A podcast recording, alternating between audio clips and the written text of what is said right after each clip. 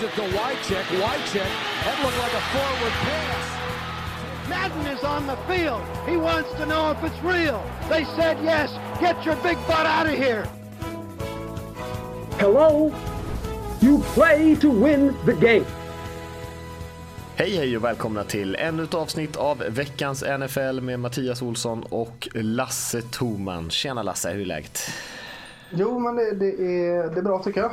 Eh, julen är avklarad utan eh, några större skandaler. Så tar vi oss an nyår här snart. Perfekt. Perfekt. Vad, vad gjorde du på julen? Var det något Mm. särskilt? Nej, det var, det var hemma hos svärföräldrarna. Ganska trött tillställning där. Så, ja, damen var lite sjuk vilket gjorde det bra att vi måste åka hem så här vid, vid nio redan. Så att jag kunde se NFL efter det. Och hon började lägga sig så det var, det var jättebra. Det var inte så att du mutade henne och fejkade lite sjukdom sådär? Jag behövde inte det, det var plan B. Eh, även plan C, att jag var väldigt sjuk. eh, men det, det behövde inte gå så långt så att... Eh, nej, eh, det var lagom. Vad gjorde du själv? Eh, Jag var hemma hos syrran, eh, var också ganska tidigt hem eh, och kunde kolla på 22 matchen där i alla fall och slutet på 19 matchen. Ja, med facit i hand skulle man kanske stannat längre och skitit och se den matchen. även, även ditt Seattle som vann. Så måste du ha funderat på om du skulle sticka ut dina egna ögon ett tag där. Ja, det var inte vacker, Fruktansvärt dålig match av båda inte lagen. vacker fotboll, nej det kan man inte säga. Nej. Det kan vara bland det sämsta jag sett. Alltså med två lag presterat så fruktansvärt dåligt.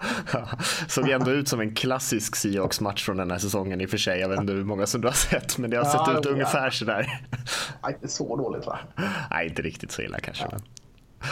Ja, vi, vi eh, lär väl kanske säga någonting om den matchen så småningom. Eh, jag tänkte idag Lasse att vi ska kolla lite grann på vad som har hänt i nyhetsväg runt om i ligan och sen ska vi kolla lite in i framtiden och, eh, och sia lite om vad som möjligtvis kan hända och, vad som känns rimligt och till och med kanske orimligt men ändå fundera lite kring, kring framtiden och sen ska vi kolla på matcherna som har någon typ av relevans inför vilka lag som tar sig till slutspel och vilken position de får. Kolla lite på collegefotbollen och så har vi lite frågor också. Eh, kan väl säga det också att både du och jag verkar ha någon person i närheten av oss, även fast vi sitter på varsin sida av landet, som borrar in till oss. Jag vet inte riktigt hur det gick till men om ni har någonting. Borronsdag, och det är, jag vet ju alla att den 27 december då tar alla fram sina borrar man har fått i, i eh, julklapp och så inviger man dem här så eh, nej, vi får stå ut med det. Ja, så om ni hör någonting i bakgrunden så är det en, ni kommer troligtvis höra att det är en borr i och för sig, men då vet ni vad det är i alla fall. Vi kan väl hoppa in på lite nyheter direkt Lasse och James Harrison, outside linebacken, pass rushen i eh, legend i Steelers, eh, blev släppt av, av Pittsburgh och ganska snabbt signad av New England Patriots som är kanske den stora eh, konkurrenten till Steelers i AFC-slutspelet. Ja, eh, James Harrison som spelare, fantastisk karriär men han har inte, han har varit en inte-faktor i Steelers i år väl av det jag har sett. Och, ja, man undrar lite varför eh, Patriots signar honom. Är det för att avslöja hemligheter om Steelers möjligtvis men eh, bidra på plan så det är jättemycket tror jag, har jag svårt att säga att han ska göra. Nej, eh, han har ju chockat förr i och för sig och kommit Ja, in och gjort några stora spel i, i liksom pass rush situationer men visst har han varit nästan osynlig i år. Men som du säger, man kan ju säkert eh, få ut lite information om hur Steelers tänker försvarsmässigt och sådär. Eh, av honom. Men eh, ja, det, man blev kanske inte så förvånad av att Patriots plockade upp honom. Nej, de kom ju inte undan det där när de filmade träningar på andra lag. Så nu, nu kör de den här varianten istället. Så, ja, då, de, de är luriga de där uh, Patriots alltså. Verkligen, verkligen. Hörru, Det har ryktats lite grann om, om det tidigare men nu har det kommit fler rapporter kring att Cardinals eh, headcoach där Bruce Arians väntas sluta alternativt få sparken efter sista matchen här i helgen eh, och att han alltså är klar i Arizona. Nu har han själv kommit ut, gått ut och förnekat det men eh, eh, de som har rapporterat det har varit ganska envisa med att det är vad de har hört i alla fall.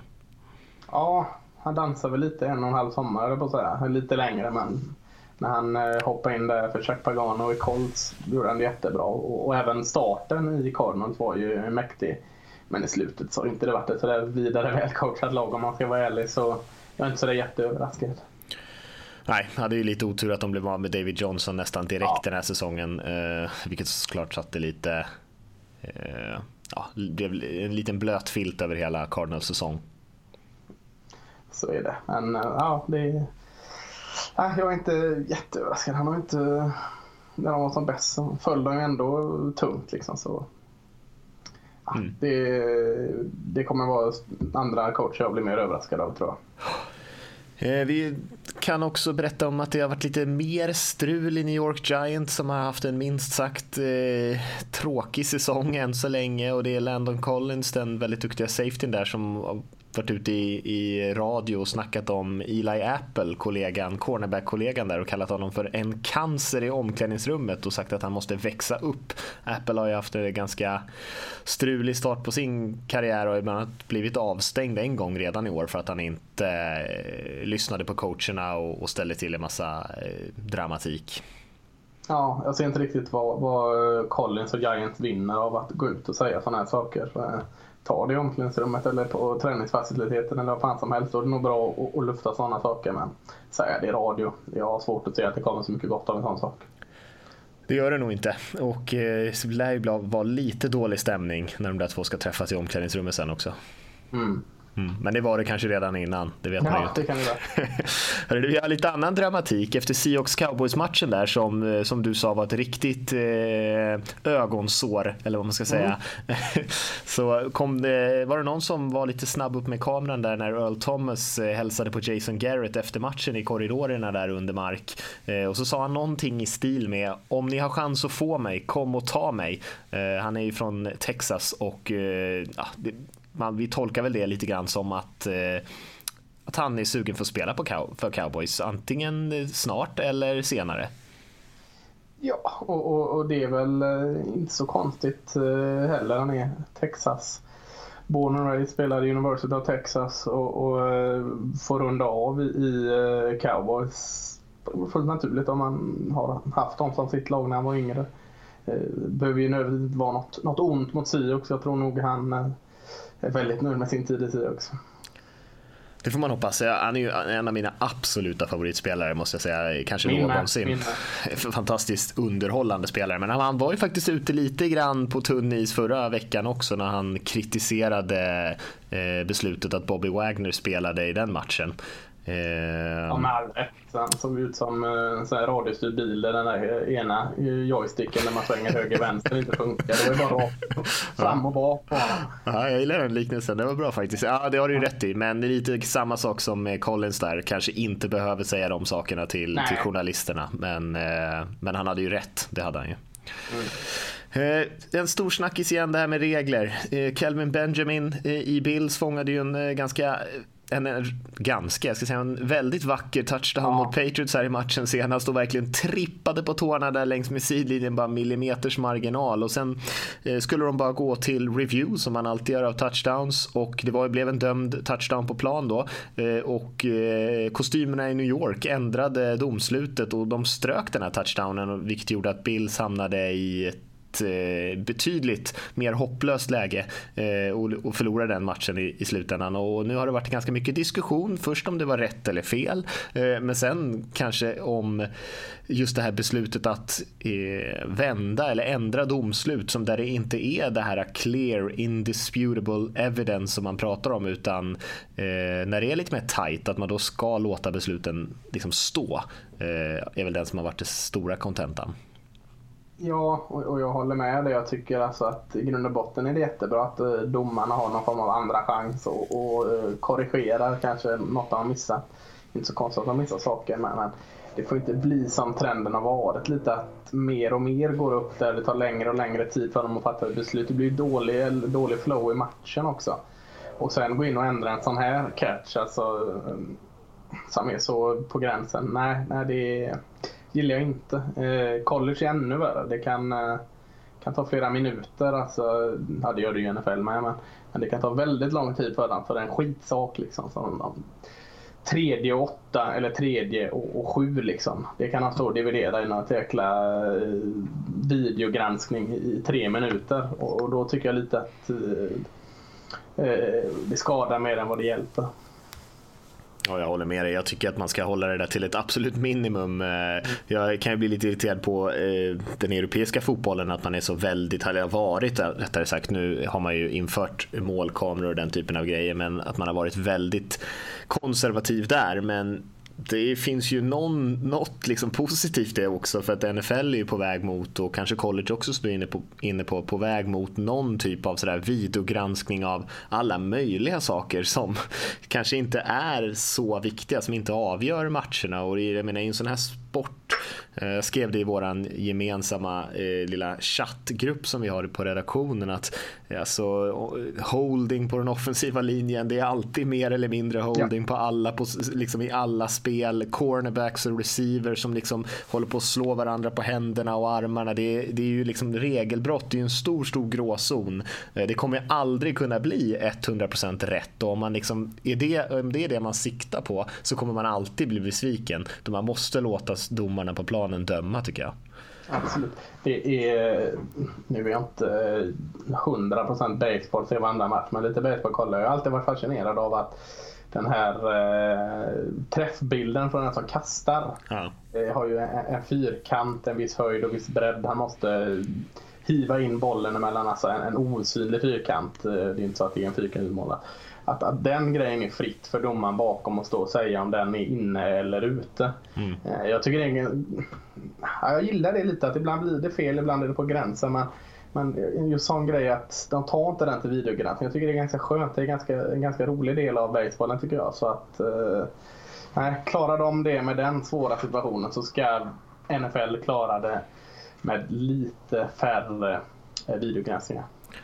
Ja, för liksom spontant när man ser Benjamins mottagning där så är det ju, man tänker ju touchdown, man tänker ju inte mm. att det mm. skulle kunna finnas något annat egentligen. I, liksom inte ens om man tolkar reglerna stenhårt, att det där inte skulle vara en touchdown, då är det ju någonting konstigt med regeln i så fall. Eh, ja. För att eh, ja, det kommer ju vara omöjligt att fånga passningar om man ska gå in och kolla om bollen rör sig en millimeter i handen efter man redan har haft den under kontroll. Eh, ja, det blir lite för mycket pet. Verkligen. Det var alla nyheter Lasse. Eh, ja. Tänkte att vi skulle som sagt kolla lite in i framtiden. Det har varit premiär för Star Wars här i Sverige och vi går in i ett nytt år och en ganska bra tid att blicka framåt och, och titta in i framtiden helt enkelt. Nu står jag här i framtiden. Stort och fint som vanligt. Som vanligt i framtiden. Det här låter intressant. Kan jag kontakta dig? Är det mitt jättestora visitkort som vanligt i framtiden? Nej, men eh, lite helt enkelt att vi eh, turas om lite, går fram och tillbaka Lasse och har något typ av framtidsscenario som vi har fått en vision av i vårt huvud. Eh, ja. Tokigt eller inte tokigt? Mer tokigt än inte tokigt från min mm. sida i alla fall. Vill du, vill du börja? Jag kan ju börja med att be om ursäkt då för, för tokigheten. Nej, men det kan jag göra. Under en het sommardag 2019 kommer Chargers på bättre tankar och flyttar tillbaka söderut. Men, men borgmästaren i San Diego har ju problem med det här arenabygget så han går ihop här med borgmästaren i Tijuana på mexikanska sidan bygger de en ny fräsch arena precis på gränsen där man på ena långsidan kan klampa in från Mexikosidan och andra från USA-sidan. Eh, över eller eh, mur eller inte, det, låter jag vara osagt. Men, men eh, och så döper de om laget till eh, San Diego Relampago. Relampaggio. Jag kan inte min spanska men, men det är typ eh, Chargers på eh, mexikanska eller spanska. det tror jag kommer hända. Nej, det var ju ett, eh, ett spännande scenario. Jag har faktiskt en som är ganska lik den. Ja. Eh, så jag kan nästan ta den på en gång. Eller? Eh, och då tänker jag att vi är år 2024, så vi är ändå ganska långt Shit. fram då. Mm. Och då har ligan fått ett gäng nya lag och en del andra som har flyttat runt. Chargers som sagt tillbaka i San Diego, där de fortfarande har det tufft att fylla läktarna. Raiders de floppade i Las Vegas, de har flyttat tillbaka till Los Angeles. Den allt mer kommersialiserade collegefotbollen fotbollen där spelarna numera kan plocka ut lön efter de har gått ut från college baserat på hur många matcher de har spelat. Har börjat äta sig in lite grann på NFLs marknad och värst är det kanske nere i, i sydöstra USA där eh, Jacksonville har blivit av med sitt lag. Tampa Bay är på väg mot samma öde eh, och ägarna har liksom börjat titta utomlands. Mexico, Mexico City Compadres har jag sagt har mm. precis debuterat med en 3-13 säsong här eh, för säsongen 2023 där de trots att de förlorat så mycket matcher rankade topp 3 i publiksiffrorna. Och nästa säsong är det dags för London Monarchs att kliva in i ligan och NFL har också hunnit med att spela ett halvdussin matcher i Tyskland och Danmark. Inte Sverige. Inte i Sverige än. Nej, vet. Synd. Ja. ja. Nej, men det, jag ser det ända. Ja. Uh, absolut, jag är med det där. Uh, jag har då en, eh, en Browns uh, framtidsvisioner. De väljer i draften som kommer eh, quarterbacken från UCLA, Josh Rosen, med sitt första val. Men, men eh, Rosen vägrar ju spela i Cleveland här som han har varit ute och hintat om. Och och eh, Giants märker ju detta snabbt och byter bort sitt val i första tillsammans med Davis Webb, deras tredje quarterback egentligen. Eh, Browns nya headcoach Sean McDermott som, som har tagit HC-jobbet eh, bara för att reta Bill Belichick. Eh, får Webb, QB'n och Barkley, runnerbacken som de tar i första rundan. Eh, att lysa upp himlen i Cleveland när man vinner divisionen Uh, och om Roser blir slaktad eh, utan en offensiv linje i New York. Så att vändningen i Cleveland är när Josh Rosen väljer att inte spela för Cleveland Browns. Mm -hmm.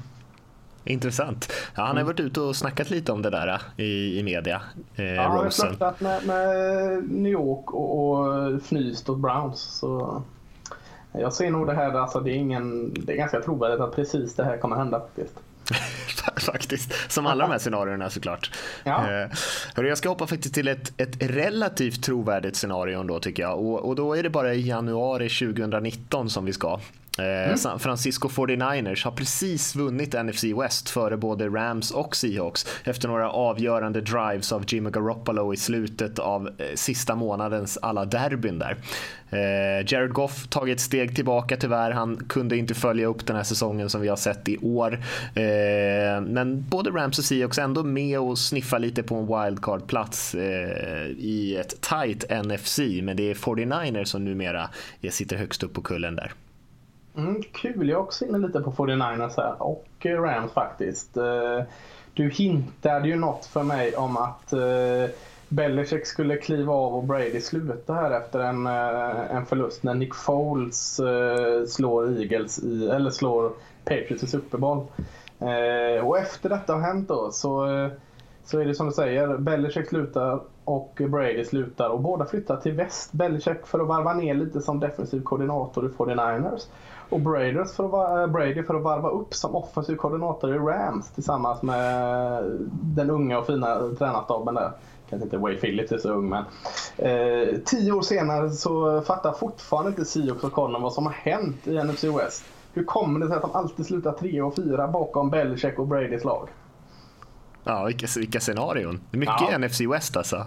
Ja, men så får du Belichick och Brady mot varandra här. Fantastiskt. Jag ser det. Jag ser det. Vilken duell. Ja. Jag har en sista här. Mm. Eh, och eh, den här gången handlar det om februari 2020. Eh, vi står någonstans utanför en obskyr konsertlokal i Nashville.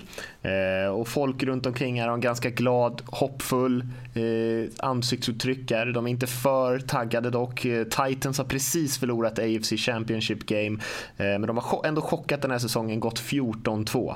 Eh, och hur kommer det sig att de har hamnat där? Efter, efter fyra år som tränare för Michigan så hade de flesta där tröttnat på Jim Harbaugh. Eh, gick inte riktigt lika bra som han ville heller och han fick kicken. Och efter en lång diskussion där hos Tennessee om man verkligen skulle orka med hans irriterande personlighet så valde de ändå att ta in Harbo till laget eh, efter de äntligen hade gjort, av sig med, gjort sig av med Mike Mularkey ska man säga.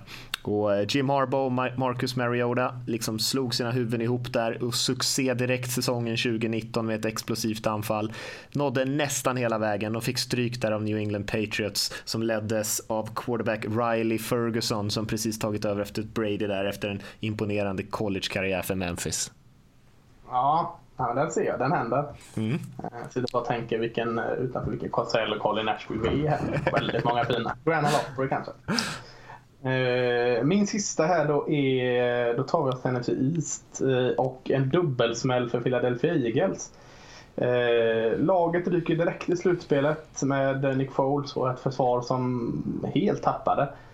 Eh, och bara veckan efter de åker ut så kommer nyheten fram att skadan på Carson Wentz var minsann ännu värre än, än man trodde och han missade även hela 2018.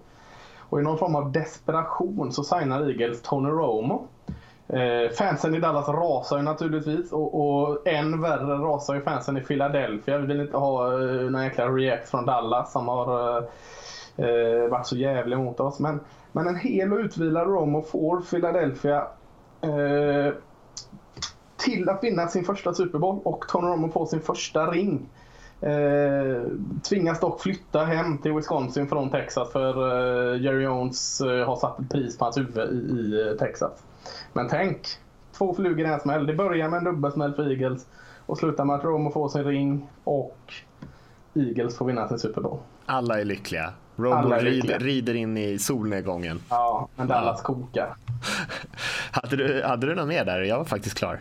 Nej, jag är klar. Eh, jag var nog klar eh, ett par eh, tidigare, men jag kunde inte låta bli. ja, men det är lite intressanta framtidsscenarier. Det känns som att det händer mycket just i NFC West som både du och jag var inne på lite grann med Garoppolo där och de bara vinner och vinner och vinner och han ser ju minst sagt imponerande ut får man ju säga. det kommer bli tufft där för de andra lagen nu när man har unga McVay där, Wilson i Seahawks. Cardinals är kanske inte det första laget jag skulle ta över om jag var en presumtiv head coach och Bruce Arians faktiskt nu lämnar här. Jag tror att de kom, kommer få det ganska svettigt att rekrytera någon av de mer eftertraktade namnen.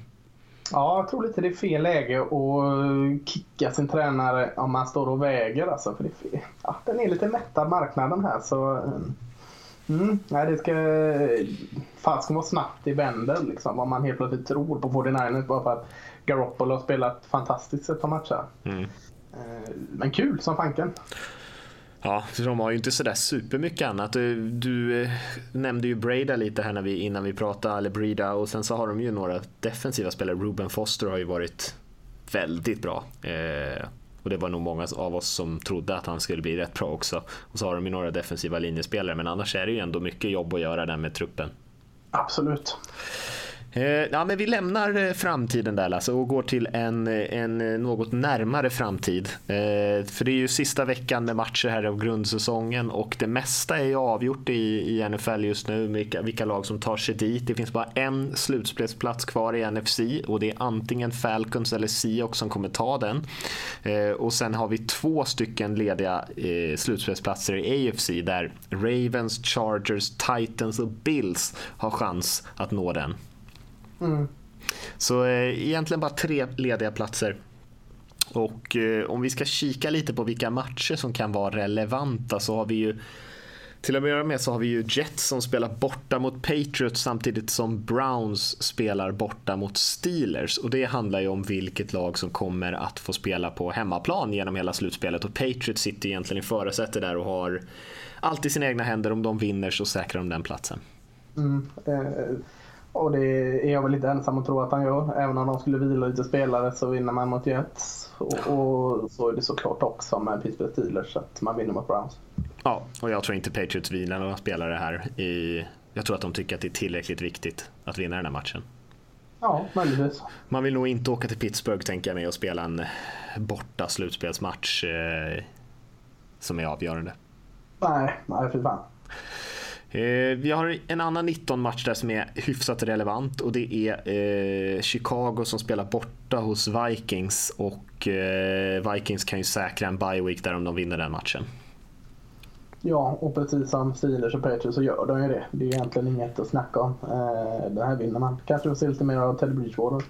Ja, Trubisky lär ju ha det tufft mot det här Vikings-försvaret får man tänka sig. Mm. Har Eagles och Vikings match? Det... Bra fråga, det vet jag faktiskt inte. Har de det? Jag tror inte de har det, för jag tänkte just om, om eh, inbördes möte då, om Eagles eh, sju kronor skulle förlora mot Cowboys och, och Vikings vinna. Men det kanske de springer förbi ändå där. Jag vet inte. Nej, jag ska inte, ska inte trassla in oss mer här i olika scenarier. Mm, jag tror inte att de kan påverka det. Nej, kan de inte. Och sen så har vi ett gäng matcher som har blivit, eh, eller man har ju egentligen grupperat in alla matcher vid halv elva där så att man inte ska kunna spela på resultat eh, egentligen. I, och det är Bland annat i AFC då så har vi ju Bengals som spelar borta eh, hos Ravens då och Ravens är ju de som kanske sitter mest i förarsätet i AFC där. De behöver bara vinna den här matchen mot ett ganska taffligt Bengals eh, så har de säkrat sin slutspelsplats och de går också vidare om antingen Buffalo eller Tennessee förlorar sina matcher så Ravens sitter ganska bra till. Ja, jag har Ravens klara. De har avslutat så jäkla bekvämt också mot, mot eh, Browns och Colts och nu Bengals som inte har något att spela för.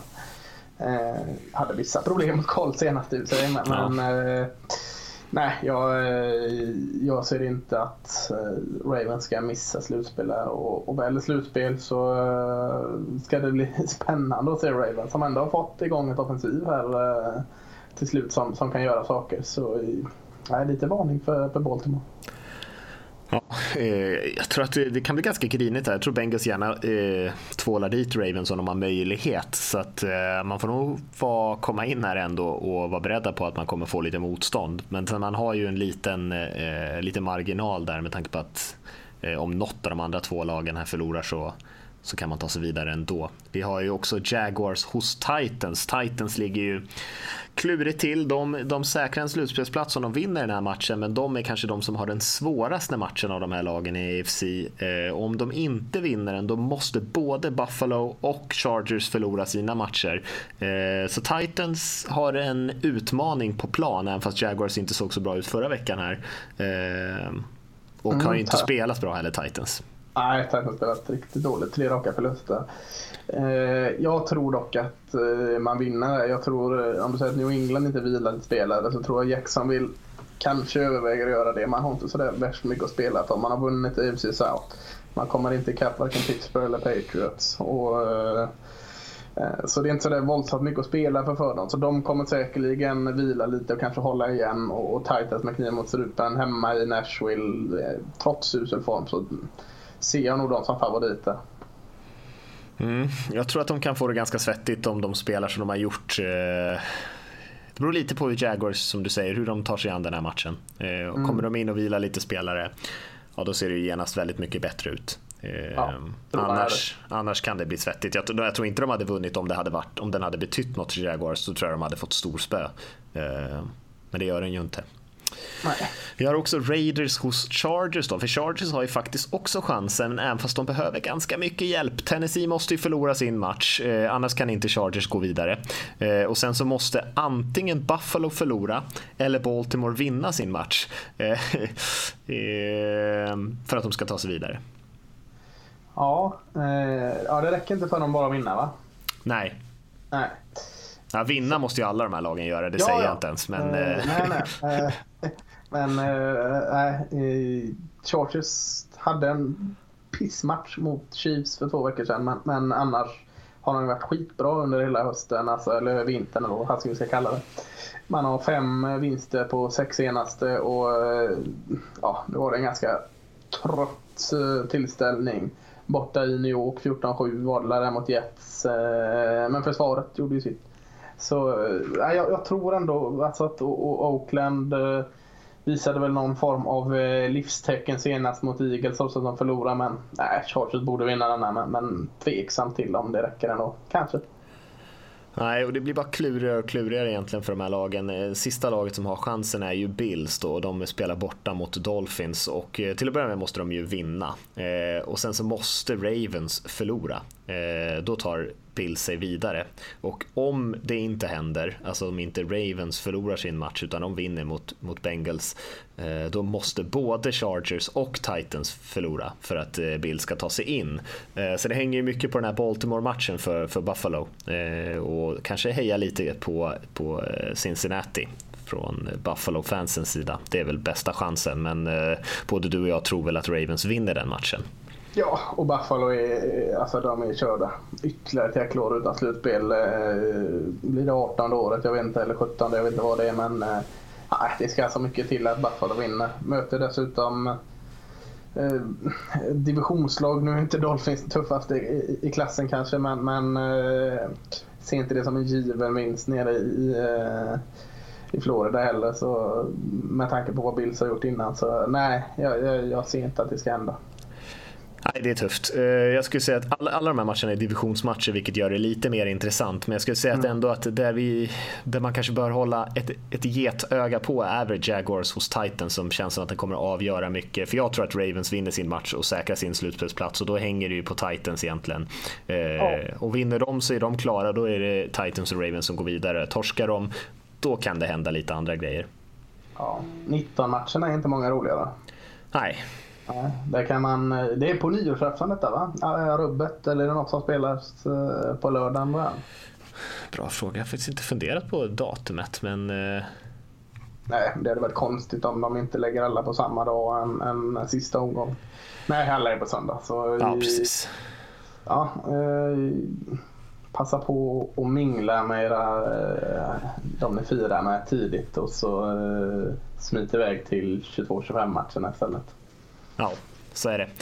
Eh, och sen är det en sista matchen om vi går över till NFC som känns intressant. Det är ju Panthers hos Falcons för Atlanta har allting i sina egna händer. Vinner de så är de i slutspel och då är NFC slutspelsbilden klar. Eh, förlorar de så måste eh, Seahawks också förlora för att de ska kunna gå vidare och Seahawks möter ju Cardinals. Eh, men den här matchen spelar ju ingen större roll för Panthers. Eh, kan de, ta divisionen? De kan ta divisionen men jag tror ändå inte de kan ta bye va? Och eh, då spelar det egentligen ingen roll. Det är jävla scenario. Om Rams förlorar och Vikings förlorar så tror jag Just Panthers kan bye. Just det, men det är nog enda. Ja. Det, det, är mycket som ska till då för då måste ja. också Saints torska. Så Saints ja, måste torska, Rams måste torska, Vikings måste torska. om de ska kunna ta det. ja. uh, och så vi, vi märker ju om Vikings spelar i 19 matchen där så att om de vinner över Bears uh, då har de inget att spela för här. Uh, vilket talar ganska, eller vilket såklart ger ett liten fördel för Falcons att de möter ett lag som kanske inte spelar för någonting. och ja, och Falcons går vidare om de vinner. Ja, jag hängde nog hyfsat med det ja. Ja, det låter, det låter rätt. Ja, det är ganska okomplicerat. Vinner Falcons mot Panthers så går de vidare. Torskar de eh, så har Seahawks chansen att gå vidare istället om de vinner sin match mot Cardinals. Eh, men jag skulle ändå säga att den här Panthers-Falcons-matchen, det är den som det hänger på. Ja, så är det. Nej, det är en bra match. Så ser scenarierna ut i slutspelet där och vilka, vilka som kommer tar du, Vilka tror du går vidare i NFC? Vill, du vill ju såklart att Seahawks går vidare, men tror du på det? Nej, det gör jag inte. Om mm. Panthers inte har något att spela för så tror jag att de kommer vila. Jag tror inte de skickar ut Cam Newton och eh, liksom springa runt bollen och enda gången deras anfall verkar fungera det är när han har 70-80 yards rushing sådär. Och jag kan inte tänka mig att de sätter honom i den positionen eh, vecka 17. Eh, Falcons vinner då den matchen. AFC då? Jag tror att Ravens, Ravens går vidare och sen tror jag att Chargers går vidare. Du tror det? Ja, jag tror att, eh, jag tror att Titans kommer torska hos Jaguars. Eller mot Jaguars. Alltså, jag vill ju gärna se, kanske inte så mycket baserat på hur de dåligt de har spelat här, men det hade varit roligt att få tillbaka Titans i slutspel och det hade varit roligt att få tillbaka Chargers i slutspel. Mm. Så, eh, men ja, jag, jag, tror nog att eh, Titans och Ravens tar det slut. Ja, de har ju kontroll över sitt eget öde. Eh, så mm. de får skylla sig själva om de inte lyckas. Eh, Titans har ju haft alla möjligheter här nu. Om de nu ska missa slutspelet så gör de ju det för att de har torskat fyra raka som du säger här på slutet. Eh, ja, vi lämnar nästan NFL-slutspelet där. Spännande. Det är som sagt det är inte jättemycket som ska avgöras. Det kanske inte är några riktiga utmanare på Super Bowl-trofén här som vi har pratat om idag. Det känns inte som att de här lagen är riktigt är med i diskussionen. Men det var å andra sidan inte Ravens det året de vann heller. Eh, ja. var också en lite av en eftertanke så att man ska inte räkna bort dem. Bara man eh, tar sig till dansen som de brukar säga. Är det så? Så ja. brukade mamma säga till mig när jag inte ville gå på skolan. Gå dit Lasse. Så blir det kul. Ja. ja. ja. ja det var chips där så var det kul ändå. Eh, och, men det är inte det enda slutspelet, NFL-slutspelet. Det är ju faktiskt college-slutspel också Lasse, som drar igång på nyårsdagen när man kanske är lite tröttare än vad man är eh, många andra dagar på året. Ja, men det är ett stort steg framåt. För innan har jag varit på nyårsafton semifinalerna. Mm. Och det har ju varit svårt att liksom, motivera med sina nära och kära att eh, man över tolvslaget dessutom eh, inte kan gå ut och liksom fira det för att det är en viktig tredje down. Liksom. Det, så nu, nu är det, det är ganska sent på nyårsdagen också så eh, är man ledig även vad blir det, andra januari så är det eh, att föredra. För det är, nu vet jag inte vilka som spelar först här men det är antagligen och, eller eh, Oklahoma mot Georgia. Alltså tvåan och trean. Och så sen har du ettan i landet Clemson som möter Alabama med fyra. Och, och de möttes ju i finalen förra året. Och då vann eh, Clemson och så möttes de året innan i slutspel och då vann Alabama. Så det har blivit en riktig sån eh, slutspelsklassiker kan man nästan säga trots att mm. slutspelet inte har varit så många år. Så eh, Clemson och Alabama, eh, det är mycket, mycket känslor den matchen. Eh, spontant känns det som att det är helt rätt lag som är där också. Annars brukar man vara lite gnällig och, och säga att ah, de skulle nog varit med där och de skulle, varför inte de med? Tycker det slutspelskommittén har gjort ett eh, väldigt bra jobb. Det känns som eh, de fyra bästa tycker jag. Vilka håller du som favoriter? Eh, jag tror Alabama är lite, en, lite extra förbannade ska man säga. Alltså att de, de kom med på sist på nåder lite. Alltså det var snacket om dem eller Ohio State eller USC skulle gå med. Eh, efter, eh, de har trots allt bara en förlorad match i år. Det var Iron Ball mot, mot Auburn i delstatsderbyt i Alabama. Har vunnit rätten. Har fnyst då de lite ganska många att men de har haft ganska enkelt schema. De har mött de sämre lagen i SEC. SEC har väldigt få dåliga lag så att jag tror de är lite extra förbannade och har lite mer tändvätska. Så jag tror Alabama faktiskt tar eh, hela skiten. Mm -hmm. Det har vi sett förut höll jag på att säga. Det har vi sett förut, men nu som underdog som de ändå är lite så eh, det tror jag kan passa dem. Ja. Spännande. Vi får se, det är mycket SEC där känns det eller i alla fall mycket södern. Eh, men det är väl som vanligt. Ja, vad har vi? South Carolina, Alabama, Georgia och eh, Oklahoma. Då. Ja, det var bara ett lag jag började klura ut. Clemson från eh, South Carolina. Ja, ja det, är, det är södern. Ja, ja, som vanligt. Eh, hörru, vi ska ta eh, lite lyssnarfrågor innan vi eh, rundar av. Eller vi har faktiskt ett gäng lyssnarfrågor. För vi har fått in ganska mycket frågor och helt enkelt inte hunnit med dem. Så att nu har vi sparat lite på hög här kan man väl säga. Mm, och, vilka tror ni vinner mellan Falcons och Patriots i Super Bowl till helgen? riktigt så aktuella Inte riktigt så gamla. Nej. Nej. Men, eh, men om vecka i alla fall, tio dagar, mm. är de nog eh, några av de här frågorna.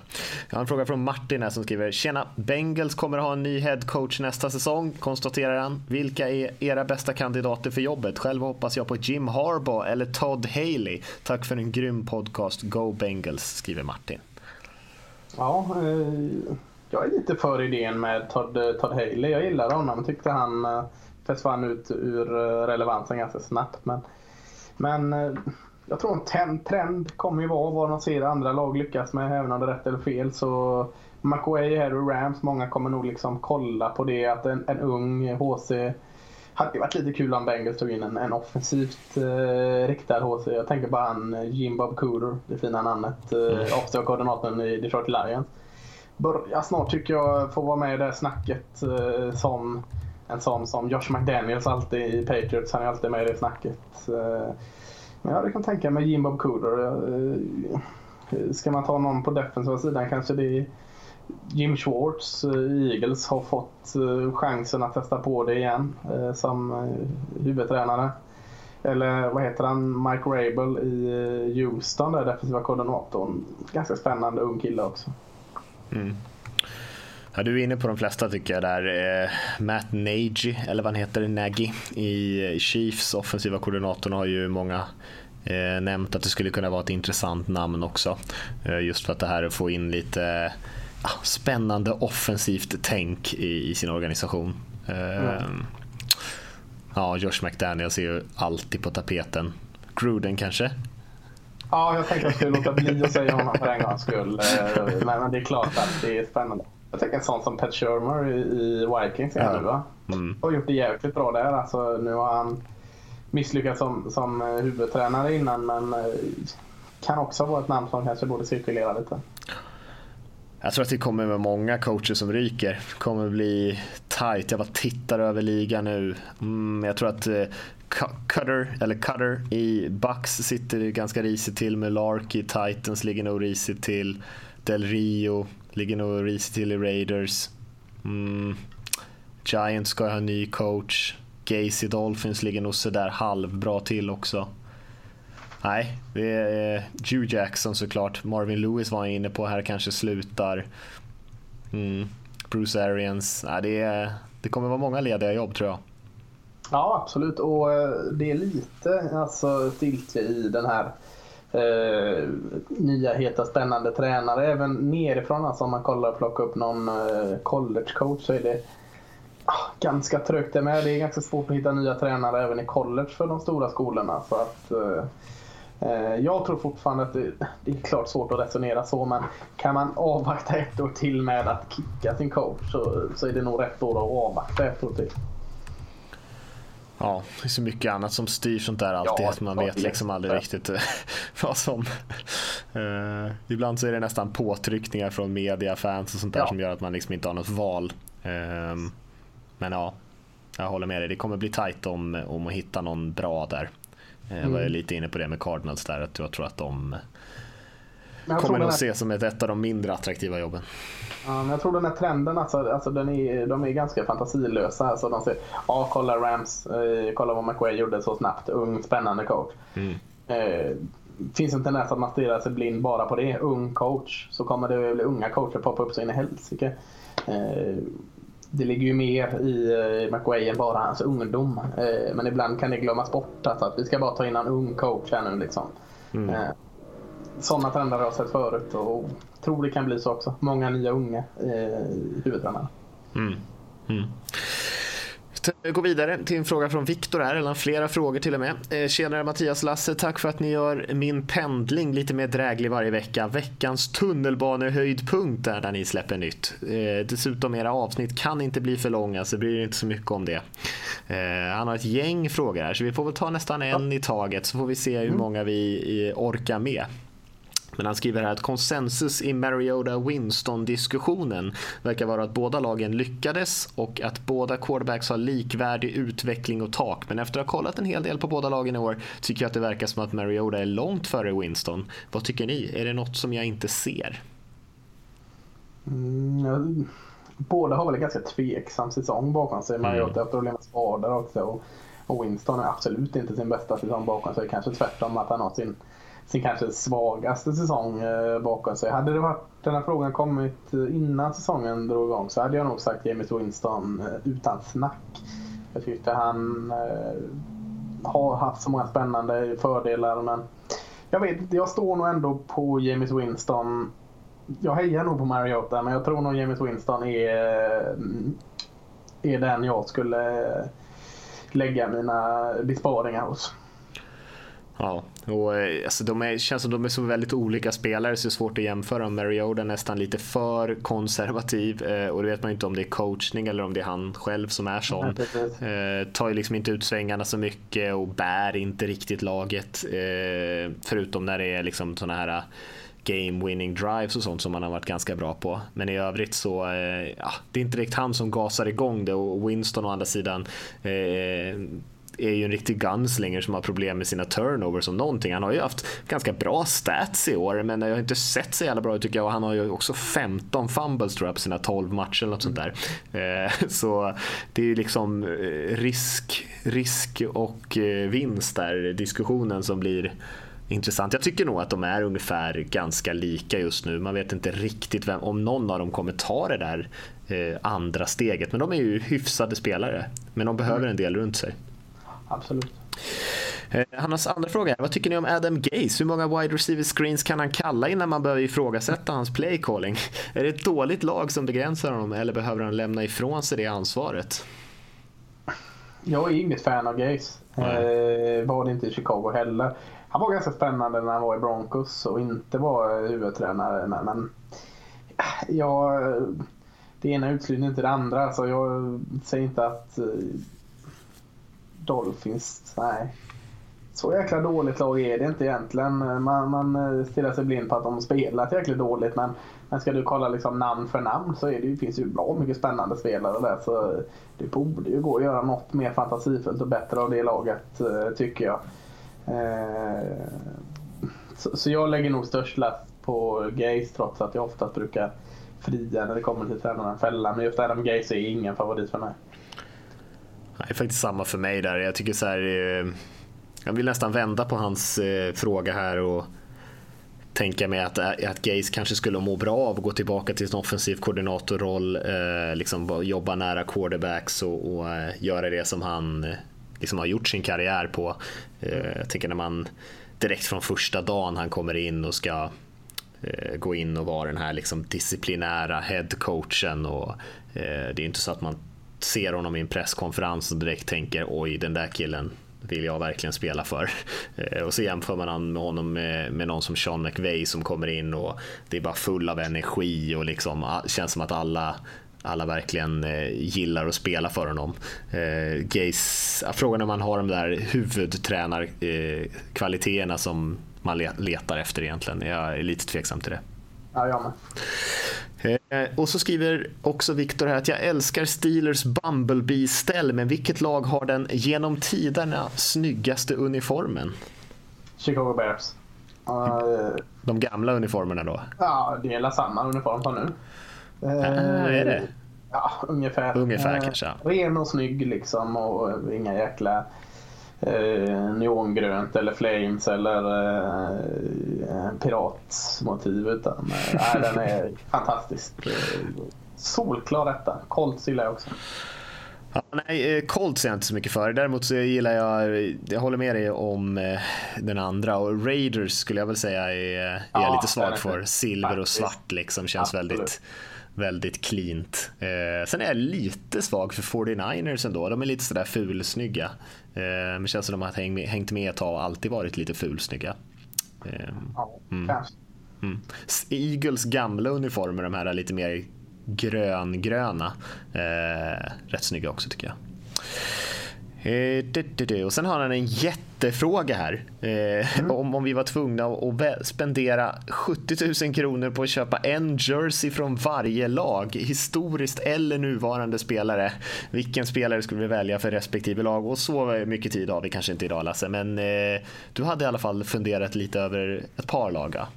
Ja, jag började ju med divisionen som ligger mig närmast eh, eh, kring hjärtat. Och när jag var klar med den kom jag på att det här är alldeles för långt. Det, det, det klarar jag inte. Så jag kan ändå ge NFC då. I, i, så tog jag en aktuell och en historisk i varje lag. Då. Så att i Dallas eh, nu hade jag ju tagit Sean Lee. Jag är ju barnsligt kär i honom om ingen av någon har missat det. Eh, och historiskt så är det ju jag kanske ännu mer barnsligt kär i Emmett Smith, eh, gamla running backen. Det var ju han som gjorde att jag en gång i tiden började heja på Dallas Cowboys. Eagles så har vi två från Tennessee och två som var bra på att stressa QB'n. Derek Barnett tror jag kommer bli en riktig stjärna. Eh, och självklart är det Reggie, Reggie White som är historiskt eh, där.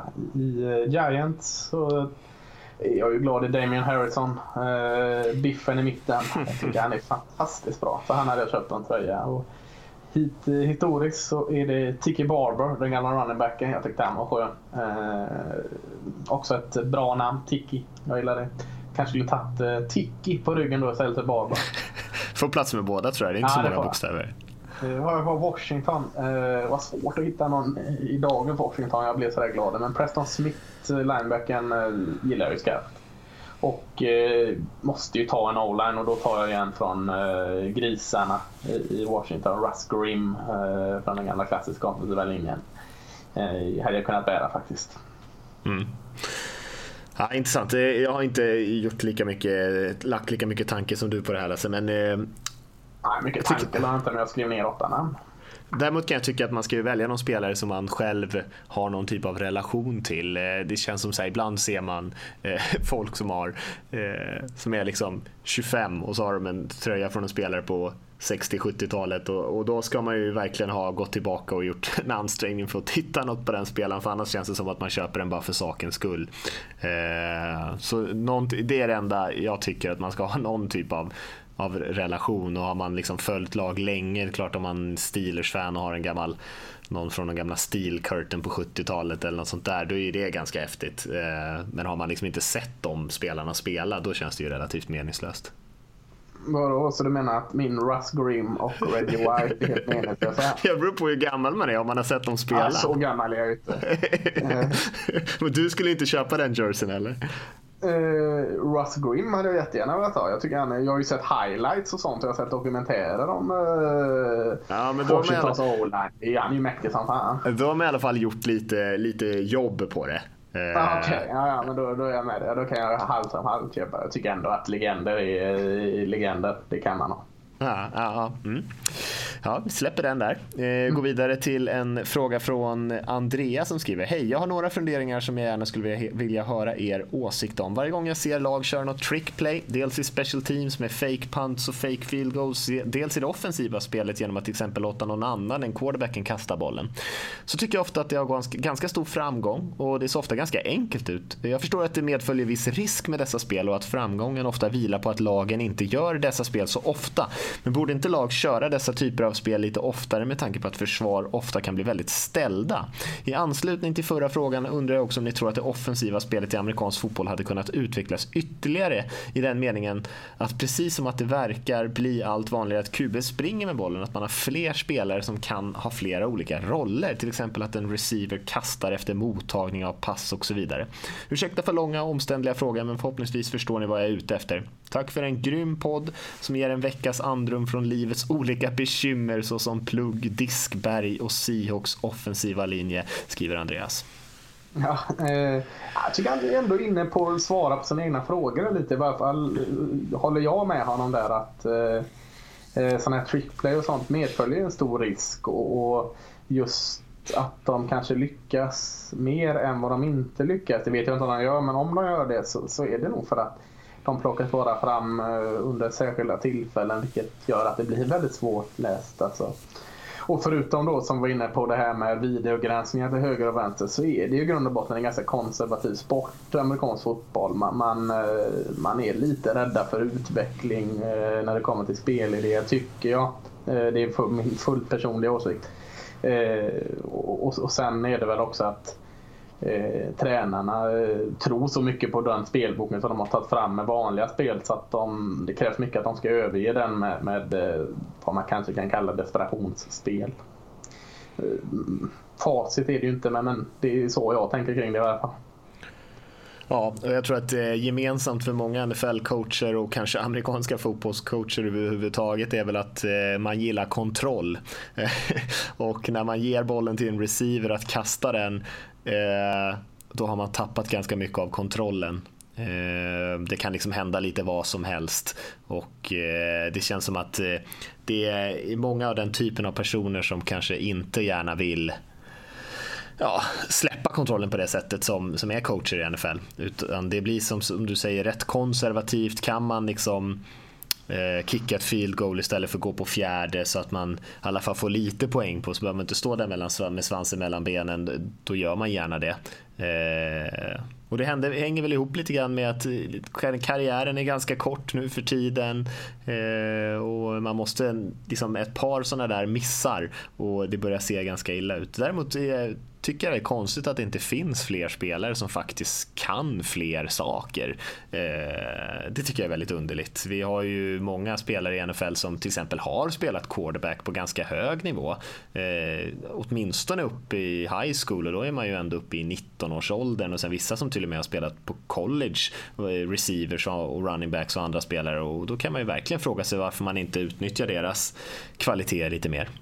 Mm. College är det mer vanligt med mm. Eh, razzle dazzle spel eller vad man ska kalla det och lite tokerier i allmänhet. Eh, jag har ju ett av mina favoritspel, är Statue of Liberty. Det, det får man se till mm. som festivaler. För jag blir lika, lika entusiastisk, överdrivet entusiastisk varje gång jag ser det. Eh, skulle någon i min närhet som inte bryr sig ett skit om amerikansk fotboll råka ha vägarna förbi så måste jag ju prata om Statue of Liberty. Jag, Jag är barnsligt förtjust i just det spelet. Och där kan vi göra en liten plugg om man inte vet vad Statue of Liberty-spelet är så har vi en artikel på nflsupporter.se om just det spelet. Så där kan man ju gå upp och söka på Statue of Liberty så, så får man en liten genomgång hur det går till. Snyggt! Mm. Titta! Va? Fan, vi blir ju proffsigare och proffsigare. Ja, du, vi hoppar vidare till en fråga från Hannes. Eh, tack för en bra podd. Jag är lite fundersam kring field goals och att lagen enligt mig så sällan chansar i slutet av matcherna med att försöka se på, säg ett 60-70 yards field goal. Sporten bygger ju mycket på sannolikhet och det borde väl ändå vara någon procent sannolikhet att några av de kickers som spelar kan sätta ett 70 yards field goal. Jag vill även påpeka att Lasses hatkärlek till Eagles är slående. Jag som supporter till Philadelphia i Sverige har ju inte så många andra rivalsupportrar att tjafsa med. Därför vore det kul om han i podden kunde visa lite mer missundsamhet och vara lite bittrare. Go Birds, skriver Hannes. Ja, jag är väl ofta bittrare. Jag försöker, jag försöker ju liksom eh, hålla igen för att jag är, tycker jag låter alldeles för bitter alldeles för ofta. Det, det är ingen vacker egenskap eh, på något sätt. Eh, ska lägga till innan vi besvarar frågan att eh, jag hatar inte Eagles. Jag hatar inga lag i NFL. Eh, det är bara vissa lag jag tycker lite mindre om. Eh, och Eagles är ett av dem. Men, men field goals. Ja, var sådana så att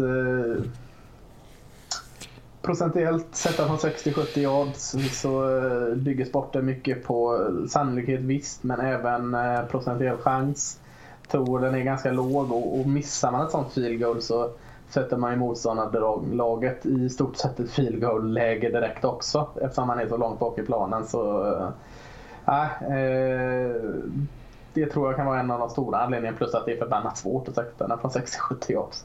Ja, vi såg väl eh, Eagles kicker satte väl ett 63 eller något sånt där. Eh, det är väl kanske det han tänker på här eftersom Hannes han uppmärksammat på att inte fler lag gör det. Men som du säger, man hamnar väldigt sällan i den situationen att man bara har sekunder kvar på klockan och att den liksom rinner ut. För det finns ju alltid eh, tid för en return. Någon kan ju stå under målstolparna och ta emot bollen och då är ju risken att det går åt helvete ganska hyfsad. Och sen också såklart att bara det skulle vara 8-10 sekunder kvar så kan man ju lyckas med ett passningsspel, springa out of bounds eller ta en timeout och sen så är ju motståndarlaget helt plötsligt i field goal-läge istället. Eh, ja. Så risken som du säger är ganska stor. Det skulle väl vara då om det är en 2-3 sekunder kvar på klockan. Ja, då kan man köra. Två poäng och field goal från 70 yard kontra en Hail Mary från 70 yard. Mm. Kanske man får eh, ta det beslutet då. Mm. Och de eh, ändrar ju lite ibland det där, kolla sin, liksom kicken går ju ut före matchen, testsparkar ju lite grann och så bestämmer man ju vilken är liksom räckvidden idag och sen så går man mm. inte över det. Eh, om det inte är absolut desperat såklart. Eh, en till fråga från en annan, Andreas. Hallå där, har ni lyssnat på podden 80 väldigt goda mackor där två komiker som heter Albin och David lagar smörgåsar efter Lasse Kroners succékokbok från 2003?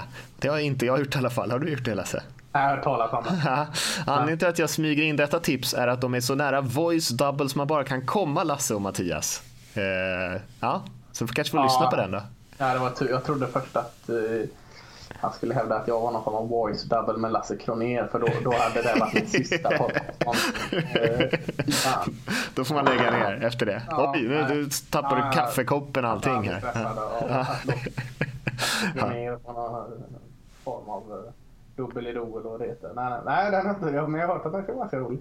Ja, och vi gillar ju mackor båda två, mm, så det kanske absolut.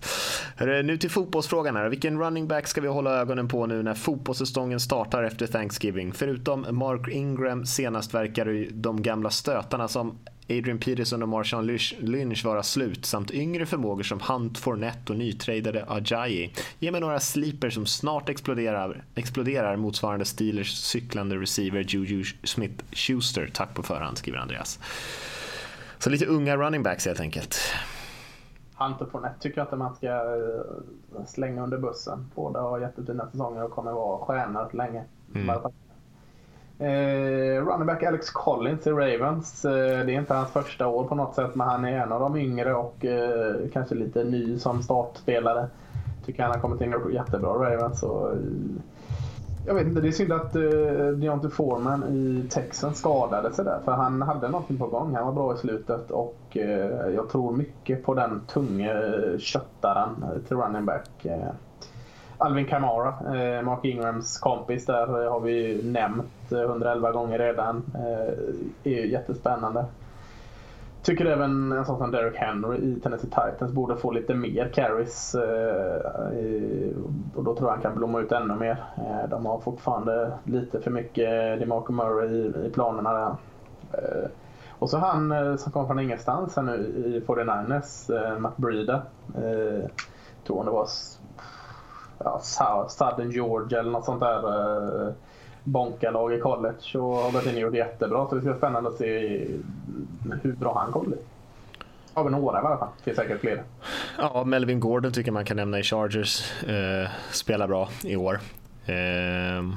Sen har du en sån fortfarande ung Todd Gurley som spelar helt jäkla fenomenalt i år. Ja, visst. Det är direkt, men han måste ju nämnas. Joe Mixon eh, har ju inte fått haft en jättebra rookie-säsong men jag tror att det kommer komma för honom. Eh, de har ju inte heller någon vidare linje där heller som han springer bakom. Ehm, mm. Det var väl några. Så mm. saknar vi David Johnson såklart. Absolut. Som är en superstjärna. Eh, skriver Jesper en fråga här. Tjena tjena Mattias och Lasse. Tack igen för en bra podd. Här kommer en fråga från en lidande Giants-supporter. Just nu känner jag att Giants kan torska allt och sluta 1-15 och få ett bra draftpick. Eh, den här skrev han nog för någon vecka sedan. När slutspelet ändå är kört. När slutspelet ändå är kört. Eh, jag tror att Giants kommer försöka få till sig en ny het QB att ta över efter Eli. Kanske inte inledningsvis men inom en snar tid. Vilken av college quarterbacks tror ni skulle passa in i Giants bäst? Eh, tackla pressen och så vidare. Rosen, Lamar Jackson, Darnold, kanske någon annan? Tack på förhand, skriver Jesper. Ja, de har faktiskt dubblat sina segrar eh, sen, sen Jesper skrev detta, så de har hela två nu. Mm, men, eh, men eh, mycket tyder väl för att de eh, kommer få drafta bakom, eller det, det är redan klart va? Nej, Colts har tre vinster också. Eh, Topp tre får de i alla fall drafta mm. Giants. Och, eh, Josh Rosen tror jag är, vi var inne på det lite innan där, eh, med, med någon framtidsscenario. Jag tror han, är, han och Giants är två kära ungdomar som sitter under en läktare och hånglar. Så bra passar alltså. Det är helt fantastiskt. Det är ungdomskärlek.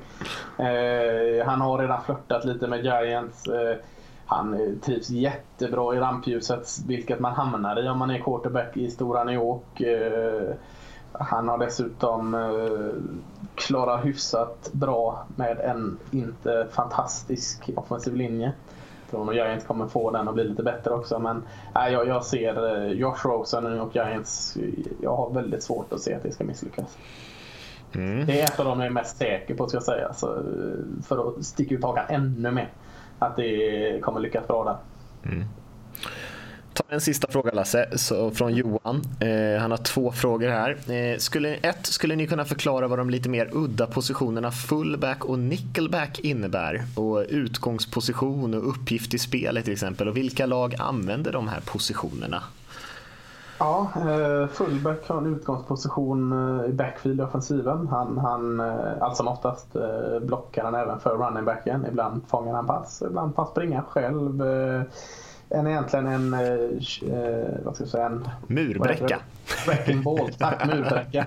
Eh, och en nickelback är väl en, en eh, form av hybridcorner som är, om vi pratar om slot receiver så kan vi väl prata om slot corners eh, och någon form av hybrid där mellan linebacker och defensive back och, och roteras in och ut på den positionen allt oftare in och, och det är ingenting som begränsar att en nickelback måste spela nickelback. Ibland rullar han ut som corner, ibland går han ner som nickelback. Och, och den är relativt ny. Eh, alltså, den kom inte igång förra året men eh, den har blivit allt mer vanligare. För om säger tio år sedan så var det inte mycket nickelback som användes i NFL.